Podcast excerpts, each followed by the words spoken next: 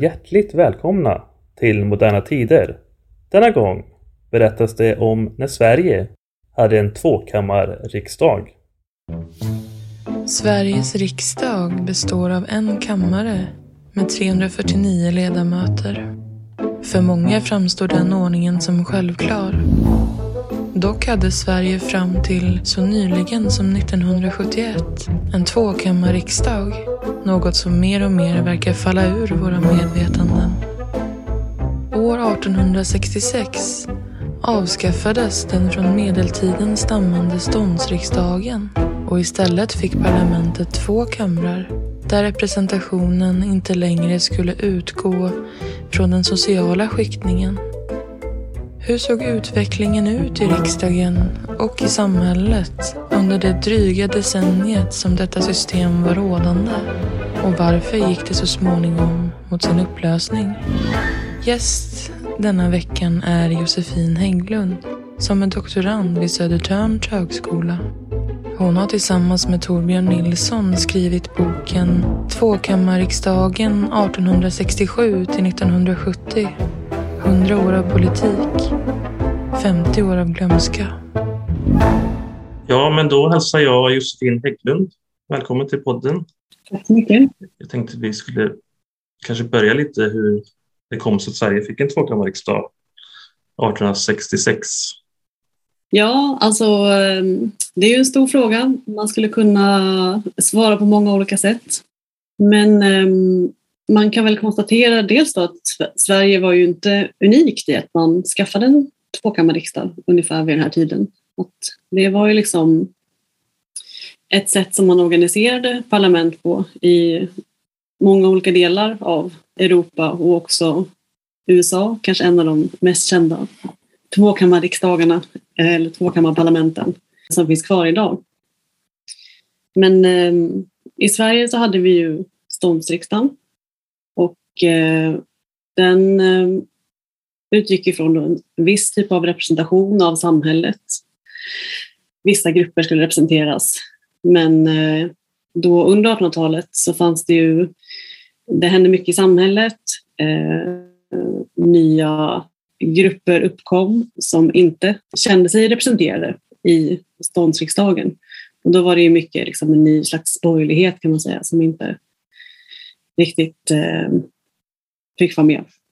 Och eh, det byggde upp liksom ett, ett tryck på att man skulle förändra sättet man organiserade riksdagen. Och eh, då kan man väl säga att en slags kompromisslösning blev tvåkammarriksdagen. Mm. Det blev inte den här någon total omvälvning liksom, eller total demokrati eller så.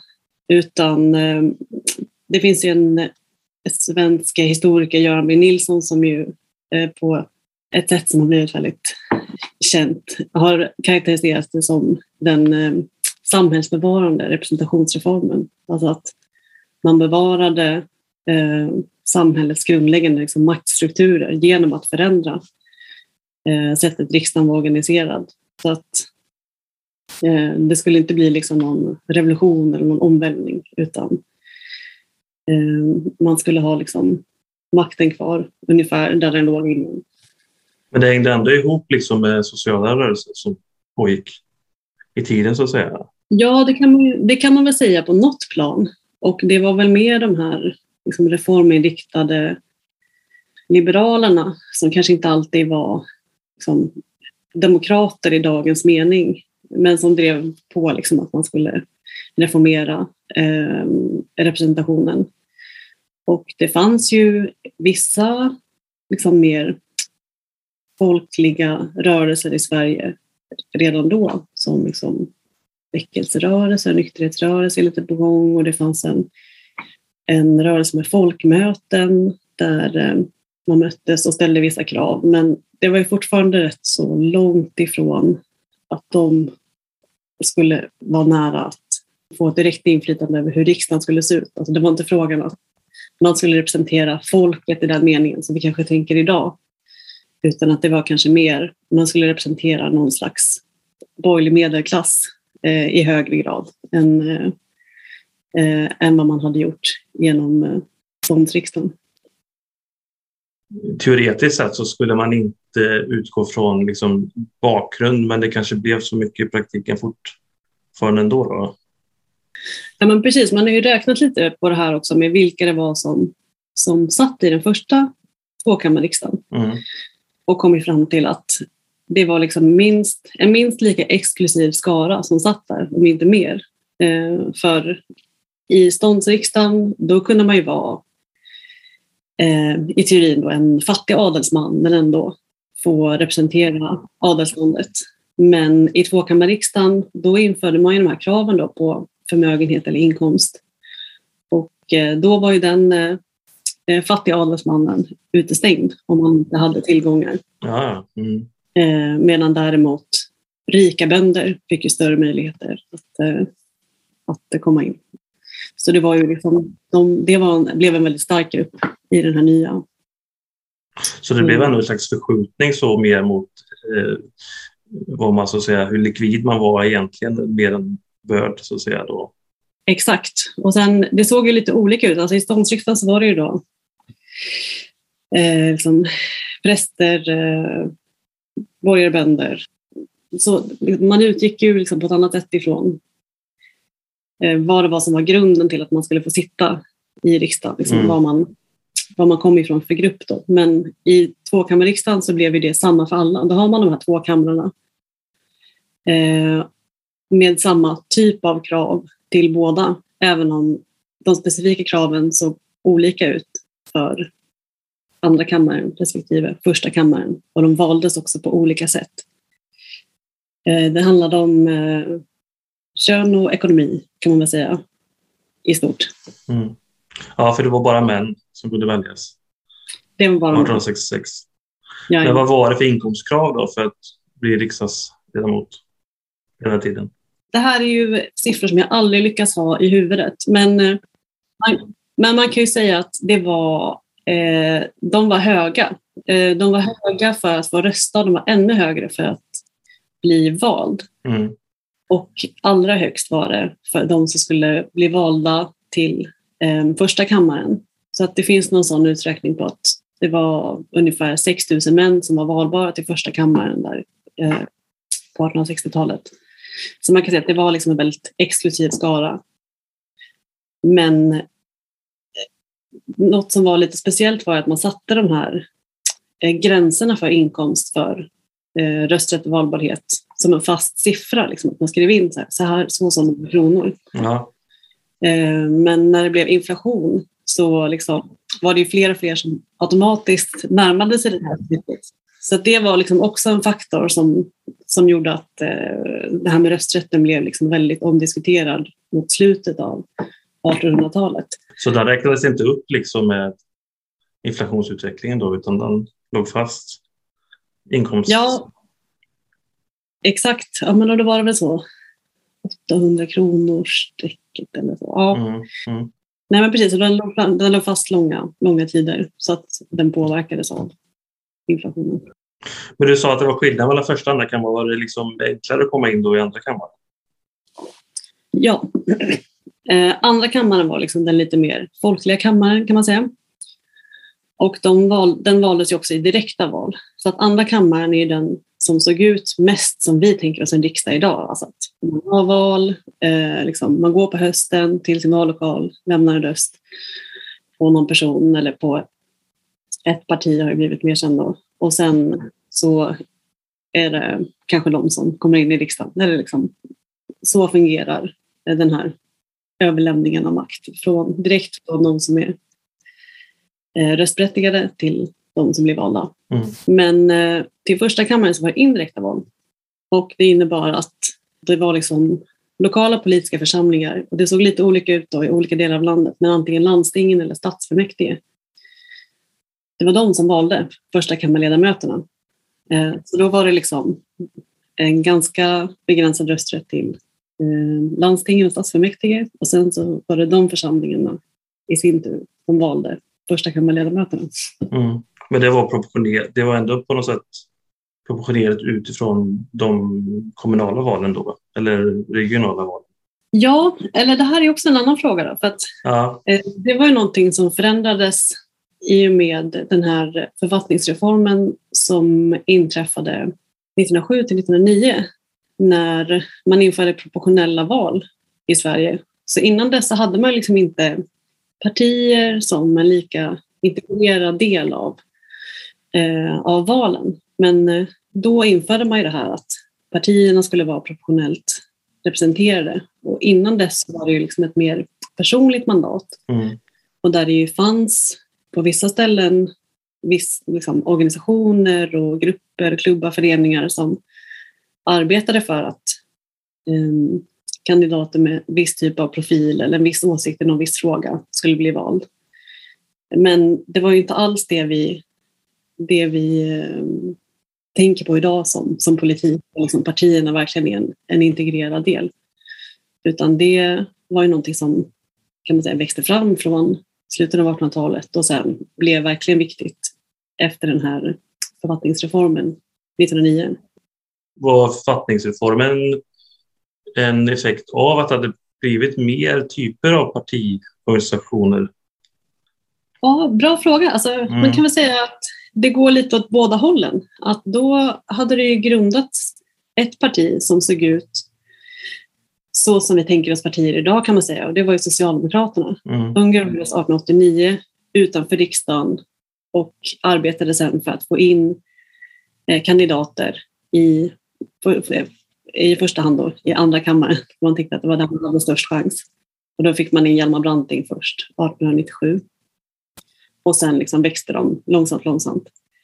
Men det var egentligen det enda partiet som var organiserat på det sättet. Um, utan det fanns ju då liberala eller konservativa grupperingar, både i första och andra kammaren. Men talande är väl också att eh, även om eh, man kan säga liksom andra kammarhögern och första kammarhögern, de hette inte samma sak, det var olika partier. Och de hade vissa kopplingar till valmansorganisationer utanför riksdagen.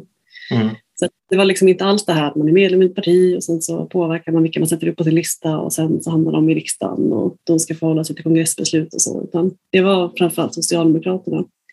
Men det blev ju, man såg ju att det här var en ganska effektiv organisation och i och med att Eh, partierna liksom skrevs in som en viktig del av valsystemet i och med den här författningsändringen så liksom eh, fick man ju större anledning också att eh, satsa på att skapa sådana här tydliga partistrukturer och stora organisationer. Ehm, ja. Fanns det andra intressen alltså, som man företrädde som vald till riksdagen? Som kanske var lite mer vagt men ändå som kanske Eh, indirekt var tydligt? Ja, alltså en sån sak är ju det här med nykterhet. Det var ju en väldigt stor fråga i svensk politik under en period. Eh, man kan väl säga ungefär fram till eh, förbudsomröstningen som var i början av 20-talet. Men då var det verkligen så en brännande fråga. Och nykterhetsrörelsen var ju väldigt välorganiserad eh, när det gällde just att hitta kandidater och stödja kandidater som stödde folknykterhet ehm, och liksom förbuds, alkoholförbud. Så då fanns det särskilda listor för nykterhetsorganisationernas kandidater kan man säga. Så att på ett sätt så fungerade ju under en period nykterhetsorganisationerna mer som politiska partier idag än liksom vad de som var eh, riksdagshögern gjorde. Det var ju mer som en diskussionsklubb medan nykterhetsorganisationerna organiserade liksom folklig opinion och hittade kandidater och Eh, och förväntade sig också då att de som hade valts in med deras hjälp skulle driva nykterhet i, i riksdagen. Så det är väl något som ja. liksom, är verkligen ett intresse som... Absolut, och det gick liksom brett då rent politiskt i alltså, vad man representerade i övrigt så att säga då också. Nej, utan det var väldigt olika vad man hade också för anledning till att förespråka nykterhet. Och sen så fanns det vissa som var så här, eh, arbetarklassens befrielse måste ske genom att vi blir nyktra först. Eh, medan ja, andra kanske hade andra bevekelsegrunder. Men man hade ju en slags idé om att människor kan påverka sin situation och liksom samhället genom att ta ett personligt ansvar. Och då började det med den egna nykterheten och sen påverka andra att göra samma sak. Så det är en slags samhällsreformatorisk idé mer än vad vi kanske tänker idag. Idag tänker man väl att, att vara nykter är ett personligt beslut som rör egen livssituation. Men att då kommer man ha liksom en större bild av att det här ingick i en större samhällsförvandling. Men det verkar ändå som att liksom Socialdemokraterna och, och, lyckades ändå ta sig in hyfsat då innan det var allmän rösträtt. Även om det kanske gick långsamt så sätt. Men eh, Hjalmar Branting kom väl in via något hjälp av Liberalerna? Var det inte så? Ja, men precis. Han kom ju in på liberal lista då i Stockholm. Och för I Stockholm så fanns en lokal liberal valmansorganisation, Stockholms liberala valmansförening.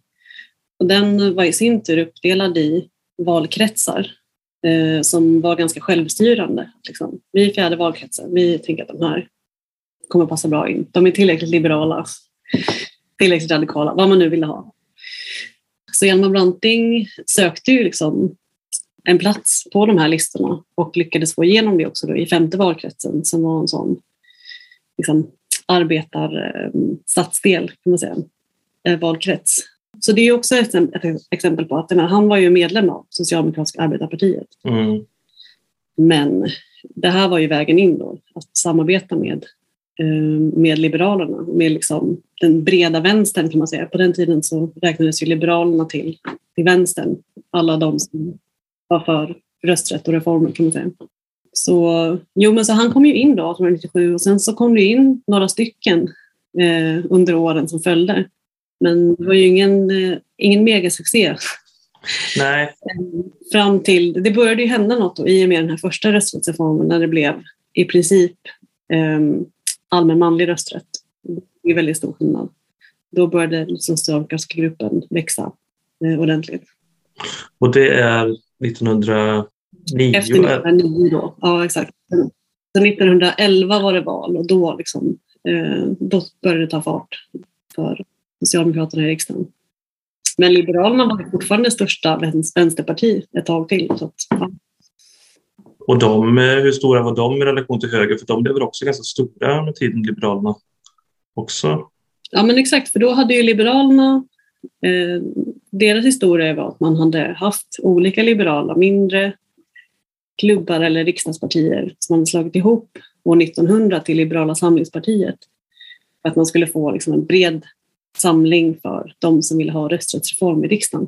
Mm. Och det gick ju rätt så bra får man väl säga. Och man lyckades eh, bilda en liberal regering efter några år, även om de misslyckades med att få igenom sitt sin rösträttsproposition. Eh, men Liberalerna var ju ett, ja, ett rätt så stort parti. Men jag menar, det var ju fortfarande kan man väl säga en, en högerdominerad riksdag. Eh, de konservativa delarna var ju starkare och där spelade ju inte minst första kammaren en stor roll. Att hela tiden i de här diskussionerna om rösträtt och, och rösträttsreformer så var det ju första kammaren som sa nej. Att även om det ju ganska tidigt ändå fanns en majoritet för en slags reform i andra kammaren så var det första kammaren som lite enligt tanken med hela konstruktionen av tvåkammarriksdagen, de bromsade. Eh, och det var ju lite det som, eh, ja, men som eh, Göran B Nilsson syftade på också, det här med att den skulle vara samhällsbevarande. Alltså att man hade den första kammaren med mer exklusiv sammansättning som man också skulle kunna tänka sig vara mer liksom, ja, intresserade av att bevara samhället så som det såg ut. Eh, de skulle se till att här ska det inte bli några snabba revolutioner utan eh, sakta i backarna. Och, ja, och den, den funktionen fyllde de mm. eh, fram till så att vi fick allmän rösträtt. Men första kammaren såg ungefär likadan ut ända fram till man så att säga införde allmän lika rösträtt?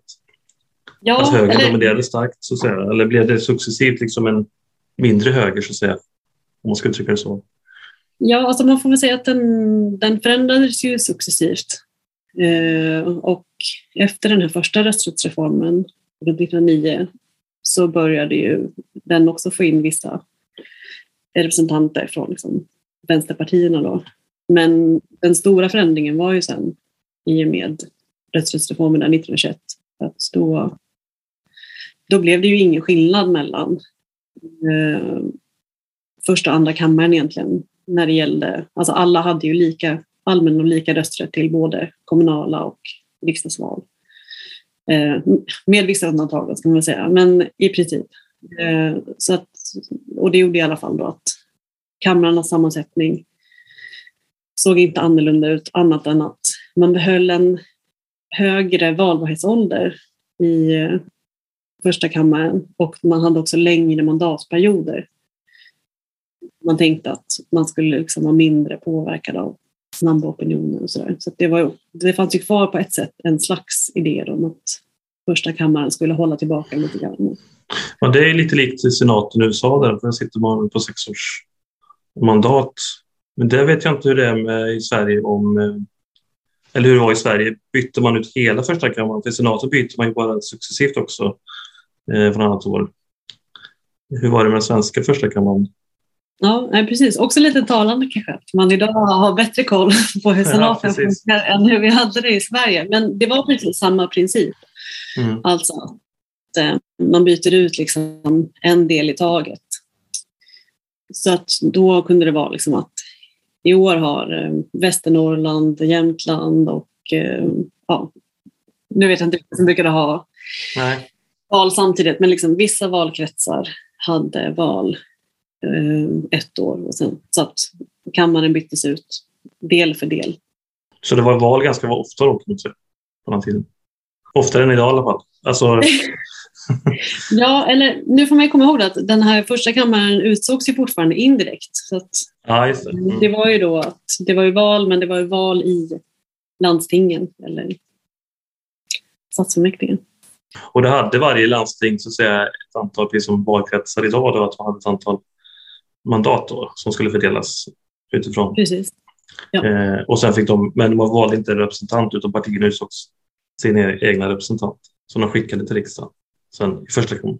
Ja, eller man kunde ju, landstingen har ju, hade ju frihet att skicka vem de ville egentligen. Men, eh, men det blev väl så att om man hade till exempel en socialdemokratisk majoritet i landstinget så låg det väl nära till att den som skickade också var en socialdemokrat.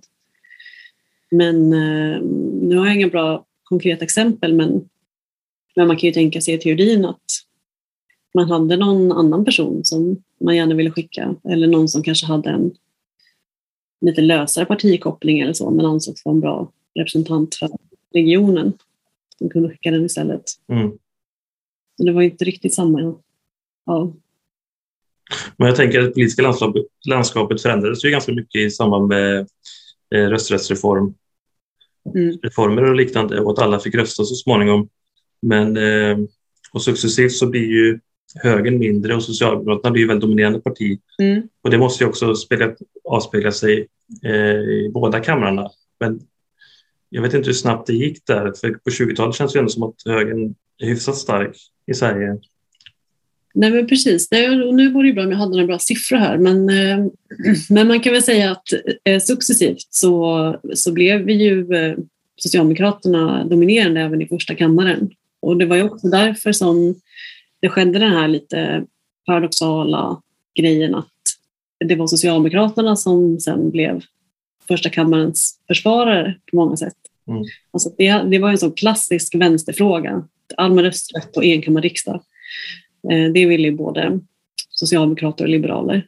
Men sen när man hade gjort om systemet på det här sättet då, så att det började gynna Socialdemokraterna, eftersom att de ju nu var det största partiet, då blev, det liksom, då blev det lite svårare att föra den principfasta kampanjen eh, mot tvåkammarsystemet. Eftersom det ju... Ja, för de dominerade mer i första kammaren egentligen än i andra kammaren, för att de är ännu starkare på lokal nivå oftast. Ja, ja men det, det var i alla fall väldigt det, det, blev väldigt viktigt för Socialdemokraterna också att det var de här äh, längre mandatperioderna, alltså att man kunde göra ett sämre val i, i, till andra kammaren men fortfarande ha kvar majoritet genom att man hade så stark ställning i första och sen så hoppas på att man skulle göra ett bättre val eh, tre år senare. Då. För det var ju, det, jag tänkte på det, när du sa det här att det var val oftare, det var det ju faktiskt. Man hade ju treåriga mandatperioder. Mm. Mm. Men jag tänkte på hur som regeringsbildning och sånt, hur var det konstruerat? För idag är det ju ändå ganska enkelt, även om det, eller ja, med tanke på hur, att det varit lite mer komplicerade regeringsprocesser och sånt senare år så har ju ändå Mm. folk kanske lärt sig mer hur det går till idag, hur man bildar regering i Sverige. Hur, var det, hur skulle man jämka liksom de här kamrarna mot varandra Och kring vem som skulle bilda regering? Ja, men det är också en bra fråga och det är också någonting som såg ganska olika ut under de här hundra åren som vi hade tvåkammarriksdag. Mm. De första 50 åren, då var det ju inte tal om att det var liksom partier som skulle bilda regering. Och det var ju också kontroversiellt bara det här att säga att regeringen skulle avspegla parlamentet, eh, riksdagen. Ehm, att liksom parlamentarism var en väldigt omstridd princip. Och, så att vi var ju liksom mycket mer monarkistiska än vad vi kanske tänker oss idag. Kungen var ju den som skulle utse regeringen. Och, då, tänkte, då tänkte man att regeringen var liksom kungens rådgivare snarare än att regeringen var ett uttryck för folkviljan, eller liksom, de som hade fått legitimitet genom folket. Utan det var ju mer att man tänkte att de var som tjänstemän kan man säga. Mm. Även om det är klart att de ju också hade politiska åsikter och en viss inriktning och, och sådär. Men, eh, men det var liksom en annan tanke bakom regeringsbildningarna. Och den här liberala regeringen som jag nämnde förut med Karl Staaff, Mm. det var en av de allra första som utsågs på grundval av att man hade just fått en eh, så pass stark ställning i andra kammaren. Men det var liksom inte en princip som var helt etablerad. Och det har varit lite olika sådär att eh, om man kollar på en sån lista över Sveriges regeringar så står det ju ibland ämbetsmannaregering. Mm. Det betyder ju då att det var en sån här regering som man utsåg inte på grundval av att de hade majoritet i, i parlamentet, i riksdagen, utan att här har kungen utsett sina, sina bästa rådgivare Mm. eh, till att eh, bistå honom liksom, i rikets eh, styrning.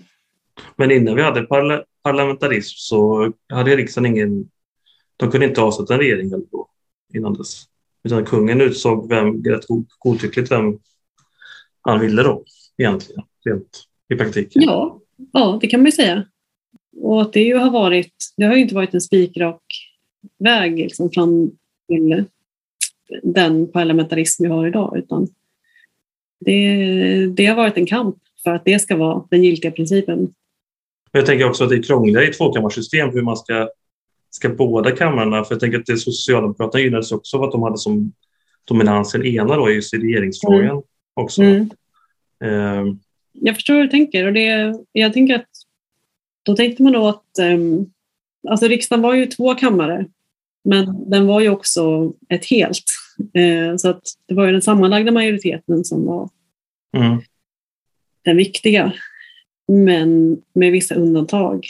Så på så sätt så var det väl inte att liksom, majoriteten i den ena eller andra för det mesta var, var det viktiga utan mer hur många hade man.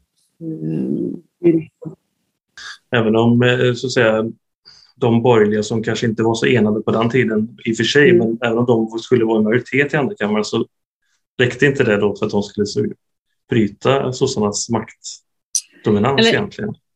Om de hade, ja, det beror ju på lite hur det ser ut då, om man tittar på siffrorna. Men, Mm. eh, men eh, till saken har ju också att första kammaren var ju mindre än andra kammaren. Mm, det var ju fler ledamöter i, i den andra. Och det gjorde ju att då hade man ju också, alltså hade man majoritet i andra kammaren eh, så var man ju ett starkare parti antagligen än man hade majoritet i, i första. mm, Eh, Så det viktiga, det viktiga var väl att, att ha en så stark ställning som möjligt i, i andra kammaren. Eller det betyder mest. Men, men också att ha det i första. Men om man ser lite på det rent praktiska arbetet som de här kamrarna gjorde, vad skilde egentligen arbetet i de olika kamrarna åt? Nej, men eh, de, eh, de hade ju samma funktioner. Det, man skulle ta beslut i liksom, eh, frågor som rörde budget och lagstiftning och, och allt sånt. Så det var ju mer bara att de var, de var två olika platser och olika grupper av personer som hade kommit dit på lite olika sätt. Mm. Eh, Men att själva arbetet, själva uppgiften var ju samma. Mm. Men vet man någonting hur det liksom, nu tänker jag nu så, så, så, eftersom det blev som det blev efter, efter 30-talet och framåt att Socialdemokraterna dominerade så mycket och satt i regering och dominerade första kammaren och även var i största parti även i andra kammaren så kanske inte var så komplicerat att få igenom beslut ändå då för regeringen. Att Mm. kanske inte var så, hände så ofta att första kammaren blockerade beslut och så. Nej, nej, precis. Nej, det här att första kammaren skulle sätta sig på tvärs blev ju ett mindre problem efter eh, att allmän rösträtt har införts. Och så. så då blev ju kamrarna mer i synk med varandra. Så då var det ju i allmänhet inte så att det var någon jätteskillnad mellan de båda. Vilket det ju var mer om man tittar på tidigt 1900-tal så var det ju en ganska stor skillnad i ja, vilken ideologisk profil man hade. Eller, det kanske är lite ohistoriskt att säga så, men liksom, vad man var beredd att säga ja till och vad man var till. Typ- medan senare blev den skillnaden mycket mer utsuddad. För jag tänker lite sådär, var de liksom mer jämlika ändå? För jag tänker till exempel om man ser på Storbritannien idag så är ändå underhuset är egentligen den kammare man räknar så att säga. Mm. Överhuset känns ju mer som att de bara ska bekräfta liksom det underhuset säger egentligen. Det är inte Mm. två jämlika system egentligen. Utan det, men i Sverige var det kanske inte så tydligt ett underhus och ett överhus på det sättet. Nej, och det tror jag är lite speciellt för Sverige att kamrarna var rätt så lika. Mm. Eh, oj, jag ska stänga ner min inget sånt. Jo, nej men, eh, nej men precis att det inte var den här tydliga överhus och underhus. Eh, och det var ett system som inspirerade vissa liberaler att man ville ha det mer som i England. Alltså att man kunde ha kvar det här tvåkammarsystemet men man skulle lägga tyngdpunkten i andra kammaren, att andra kammaren skulle ha sista ordet. Så bland de liberaler som kunde tänka sig att ha kvar det så var det ändå den här tvåkammar, andra kammar parlamentarismen som var ett ideal. Men ja, sen gick vi en annan väg då, att, att det mer blev att det var två kamrar som var ganska lika varandra, Mm. förutom i vissa delar av eh, valproceduren och mandatperiod och storlek. Mm. Men det var också det som gjorde att det inte märktes så mycket sen när första kammaren väl- Nej, precis. Det känns ju som att det kanske var överflödigt att ha två kameror i så fall. När de ändå var så, hade liksom samma funktion egentligen.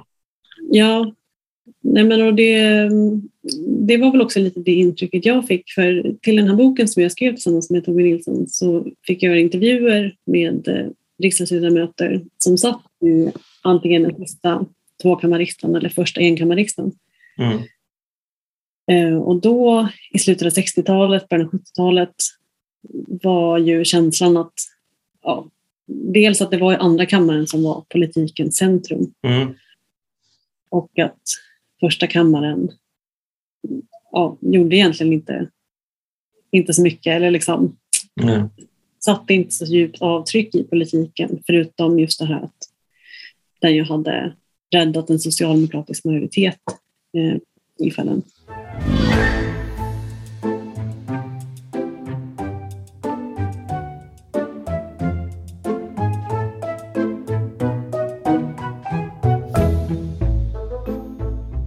Men när, när börjar så att säga, diskussionen om att göra om systemet? När kommer den igång på allvar egentligen? Ja, nej men för, som jag sa så var det ju en väldigt stark eh, diskussion redan tidigt liksom, i samband med den här diskussionen om allmän rösträtt. Mm. var ju enkammarriksdag ett vanligt krav. Men sen så var det väl som att när den rösträttsreformen väl var genomförd så var det ju en mindre akut fråga att eh, också avskaffa första kammaren just eftersom att det, den inte gjorde så mycket till eller från. Men, eh, men det var ju en diskussion som kom upp sen i slutet av 50-talet, man säga, början av 60-talet. Ehm, och man gjorde flera utredningar som också handlade om författningen i stort. Ehm, det var ju flera, flera saker som förändrades där, ehm, lite runt samma år. Ja, man gjorde väl en ny regeringsform eh, som trädde i kraft några år senare. Då. Nej, men precis. Och eh, om jag inte minns fel så är det ju då som man också börjar med det här talmannen utser riksdagen och inte kungen. Mm, mm. Eh, och då, man tog ju också upp den här frågan om övergång till republik eh, som ju också var en sån väldigt eh, starkt omdiskuterad fråga runt sekelskiftet 1900. Mm. Men bestämde sig väl då att ja, det, det behövs inte. Eller, det, det funkar ganska bra. Vi kringskär kungamakten lite till och sen så är vi nöjda. Och i den senaste regeringsformen, den som gäller nu, så är kungen i princip då helt politiskt avskuren. Ja.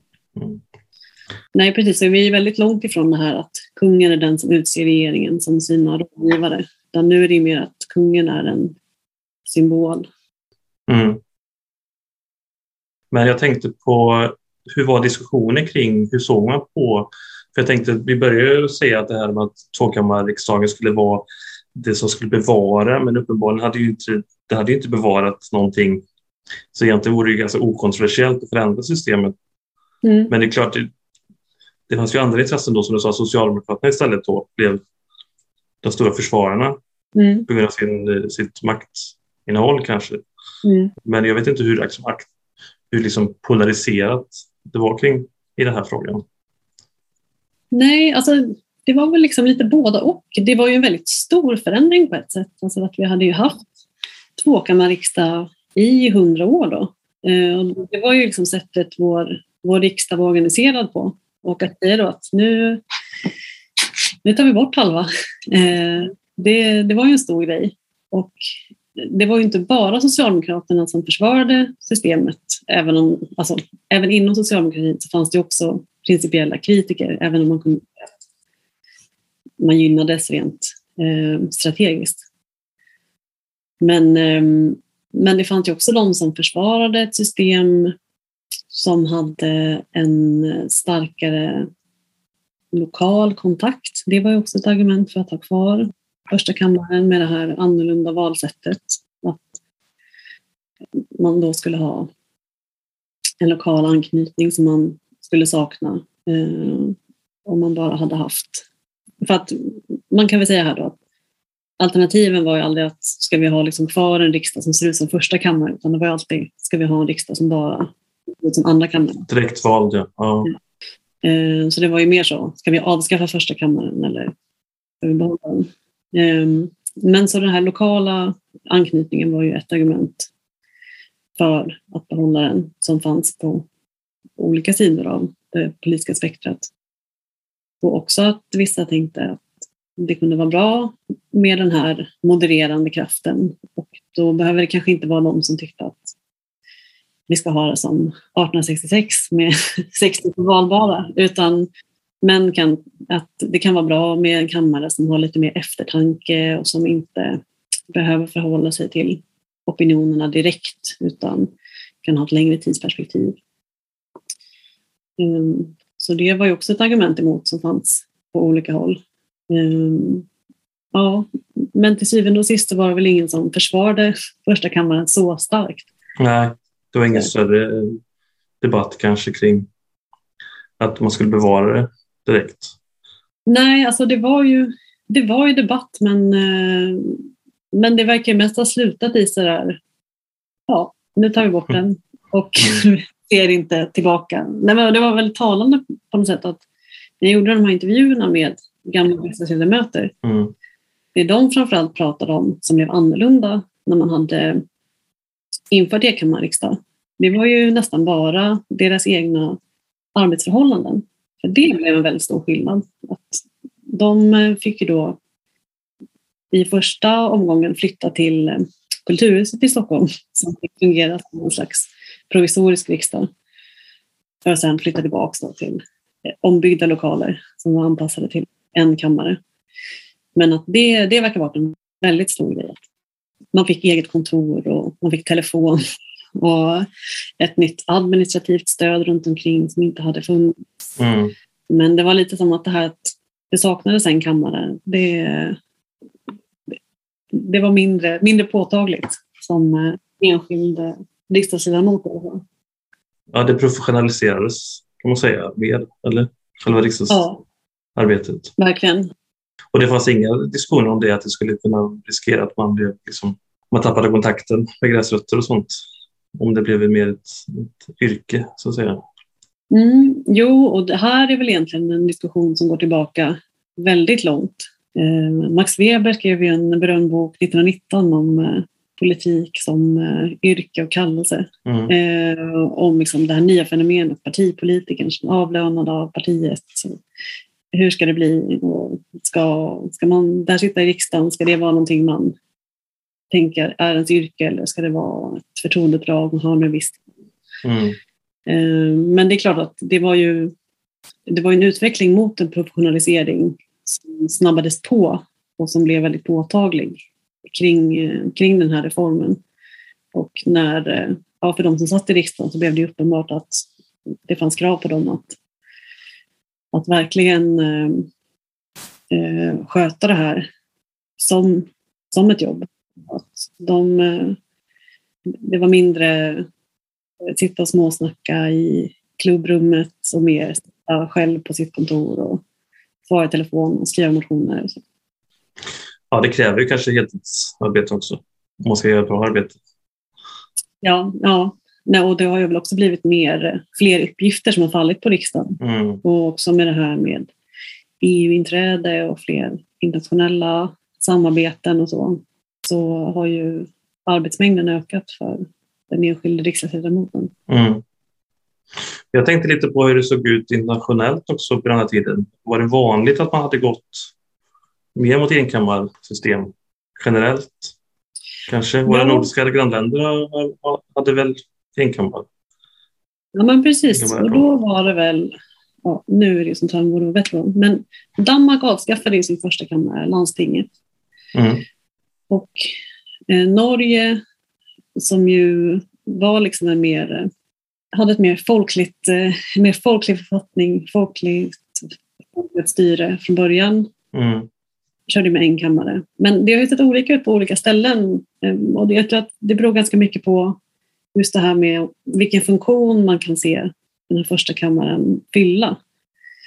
Som, eh, om man tittar på Tyskland till exempel, eller USA, att, man kan ha en kammare som kan eh, vara den här med liksom, lokala representationen av regioner i ett väldigt stort land med stora skillnader. Precis. Medan Sverige är ju visserligen till ytan ett stort land och med till viss del stora skillnader men inte riktigt på samma sätt som Tyskland eller, eller som USA. Så Då fanns det väl inte samma motivering bakom att man skulle behålla det här systemet. Eh, så det har ju, det är ju svårt också att säga då att moderna parlament rör sig mot enkammarsystem. Utan det, det ser ganska olika ut eh, och beror på historia och lokala förhållanden. Ja, men sen så bestämmer man sig då ändå för att ha en enkammarriksdag Mm. eh, i Sverige. Och sen bestämmer man först att det var 350 ledamöter. Mm. Hur kommer man fram till just den siffran? För det var fler Ja. totalt egentligen om man slog ihop. Man minskade egentligen total, totala antal ledamöter. Mm. Ja men precis, ja, men för det var väl runt 250 i andra kammaren och 180 någonting i första. Men eh, nej, och det där har man ju undrat över. Alltså, hur tänkte de egentligen? Ett genomförbart nummer. Men eh, jag läste någon förklaring som väl var kanske rimlig och det var att innan så, det hade ju varit i princip omöjligt att få lika läge när man haft två olika kamrarna. Det var väldigt ovanligt eh, att komma fram till sådana siffror. Så att det var väl helt enkelt så att man, man tänkte inte på det. Man, att det ja. 350, låter bra. Nej, men idag pratar vi om att Sverige har varit präglat av blockpolitik, men det kanske inte var innan 1970 som det slog igenom riktigt. Nej, och det var ju också... Då på 70-talet så, så kom ju det här borgerliga samarbetet med Centern, Folkpartiet och högern som ju då var också ganska kontroversiellt in, i delar av de partierna. Så det var ju inte alla folkpartister som tänkte att högerpartiet är vår främsta samarbetspartner eh, naturligt. Um, utan det fanns ju mer en tradition av samarbete åt olika håll. Att mittenpartierna var mer mittenpartier än självklart en del av ett borgerligt block. Mm. Nu är vi lite tillbaka till det igen då. Att ja, precis. Centerpartiet är kanske mer Socialdemokraternas eh, samarbetspartner än, eh, än Moderaternas. Eh, Men nu är det åtta partier också i riksdagen och då var det ju fem, så det var ju ja. en annan situation också. Ja. Men du sa också att det var, det var inte någon diskussion om det här med proportionerliga val, utan det var självklarhet att man skulle ha eh, proportionerliga, proportionerliga val. Ja, nej, det var det verkligen inte. Det var väldigt omdiskuterat det också. Ja, eh, okay. Mm. Och där var det också så att eh, då var det ju eh, framförallt eh, de till höger som ville ha nationella val. Alltså det var ju, eh, kan man säga, det var ju regeringen Lindman som drev igenom den första rösträttsreformen som också innehöll proportionella val. Mm. Och det var ju lite hans eh, knep kan man säga för att göra den här mer tilltalande de mer konservativa. Alltså, mm. Eh, för det man var rädd för var ju då att om vi inför allmän rösträtt för män, då om vi har majoritetsval, vilket vi hade då, så kommer kanske Vänsterns kandidater att slå ut alla våra i alla valkretsar. Men om vi inför proportionella val, då har vi en garanti att vi kommer få vara med, även om vi kanske inte blir störst. Men jag tänkte också sen när man införde enkammarriksdagen, mm. Eh, att då, men då, fanns det, då var det helt självklart att man skulle ha ett kontinuerligt valsystem. Ja, precis. Då hade man ju det. Mm. Liksom. det ja. jag har inte sett att det har funnits några tankar då på att man skulle nej, ändra nej. tillbaka till majoritetsval. Nej. Men, eh, men sen då 1900, ja, när, 1970 är det första valet va, till enkammarriksdagen sen. Mm, hösten, ja. Och eh, när man väl har infört det så är alla ganska nöjda antar jag då, att man har genomfört det här. Ja, men det tyckte jag också var intressant när jag gjorde de här um, intervjuerna. Att det lät ju på ett sätt som att alla var rätt så nöjda och tyckte att det här eh, systemet har tjänat oss väl sedan de här 50 åren. Men det var inte helt um, men att det fanns ändå vissa saker med det gamla systemet som de kunde lyfta fram var rätt bra, mm. som man inte har fått med. Alltså till exempel det här med att de tidigare kamrarna var lite mindre. Eh, och det var ju från deras perspektiv någonting positivt att man kanske hade lättare att lära känna andra, eh, de andra i kammaren och liksom kunde ha ett enklare samarbete på så sätt. Man kände sig inte så anonym. Eller ehm, ja, vissa tyckte att det fanns en möjlighet för personer som kanske inte hade samma partikarriär att ändå komma in i första kammaren och man kunde mm. ha andra meriter. Som, ehm, och sen vet jag inte i praktiken hur det såg ut, men, att, eh, ja, men man upplevde ändå att det var liksom en lite annan typ av människor som fanns i första kammaren än i andra. Mm. Sen eh, försvann. Men det var ju ingen som tyckte att den hade ett tvåkammaralternativ eh, på lut som hade varit bättre än... Eh, Nej, och det känns ju som att det känns ju lite som att man har infört en enkammarriksdag så det är svårt liksom att gå tillbaka till det gamla igen. Ja, och sen har det funnits vissa sådana förslag ibland. Att, ja, men som det här med att borde vi ha en starkare lokal eller regional representation till exempel. Det har ju varit en väldigt aktuell fråga senaste åren med liksom, att landsbygden eh, inte eh, har lika mycket makt som storstadsregionerna i, i riksdagen. Nej, precis. Eh, eller över välfärden eller så. Skulle det vara tvåkammarriksdag? Ja. Sticker Sverige ut där att vi har en väldigt liksom, dålig förankring eh, lokalt till val till riksdagen så att säga? Eh, nej, och vi, alltså, man kan väl inte säga att vi har en, eh, eller det är väl inte upp till mig, men vi har väl inte en exceptionellt dålig lokal anknytning i riksdagsvalen. Vi har ju en lokal anknytning. Ja, alltså, man väljer ju på sina lokala listor och så. Jo, men jag har förstått det mer så här rent konstitutionellt, jag menar, eller eh, valtekniskt. För att jag har förstått som i andra länder så kan man ändå, är man väldigt stor igen så kan man liksom få något mandat. Även om man inte kommer upp över spärren så kan man ändå få mandat på något sätt om man är stor Mm. i ett visst område. Och Sverige har ju den funktionen, men den är ju ganska högt uppsatt menar jag. Mm. Mm. Eh, 12 procent eller vad det är för valkrets. Mm. Eh. Nej, precis. Nej, men då, jag kan nog inte riktigt göra en sån jämförelse. Det har jag inte kunskap om, Nej. hur Sverige ser ut jämfört med andra. Men det är generellt väldigt intressant det här ändå, hur, ja, men hur den här tekniska sidan av hur vi organiserar vår demokrati Verkligen. den då får så stora konsekvenser och kan se ganska olika ut även om vi tänker att vi har ett så lika system. Så, ja. Absolut. Men jag tycker jag fått en ganska bra bild av eh, tvåkammarsystemet. Är det något mer du vill tillägga? Ehm, ja. Nej, men kanske att eh, man kan läsa vår bok, Ja, absolut. Tvåkammarlistan, 1867 till 1970. Mm. 100 år av politik, 50 år av glömska. Om man känner att nu, eh, nu vill jag verkligen dyka ner i eh, tvåkammarriksdagens historia. Ja, men det är intressant också för att det känns också som att eh, motivet till boken var också att den, det är lite bortglömt ämne där. Nej, verkligen. Nej, men så det har ju varit intressant. Jag har ju trott att det skulle vara ganska lite uppmärksamhet kring den här boken. Just eftersom att det var lite som en reform som genomfördes och sen så gick alla vidare och tänkte inte mer på det.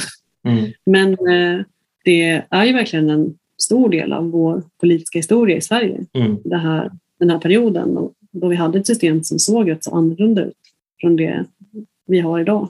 Och man kan också konstatera att vi har ju haft det större delen av tiden när vi har haft en, en riksdag som inte har varit ståndsriksdag. Så har vi haft den organiserad som två kamrar.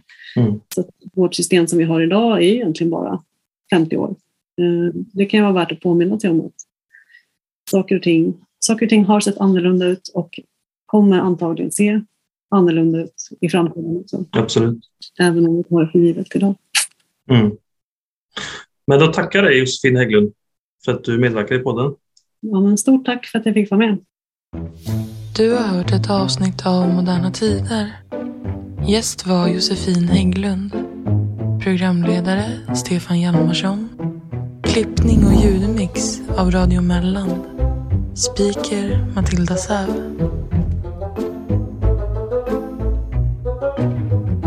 Mm.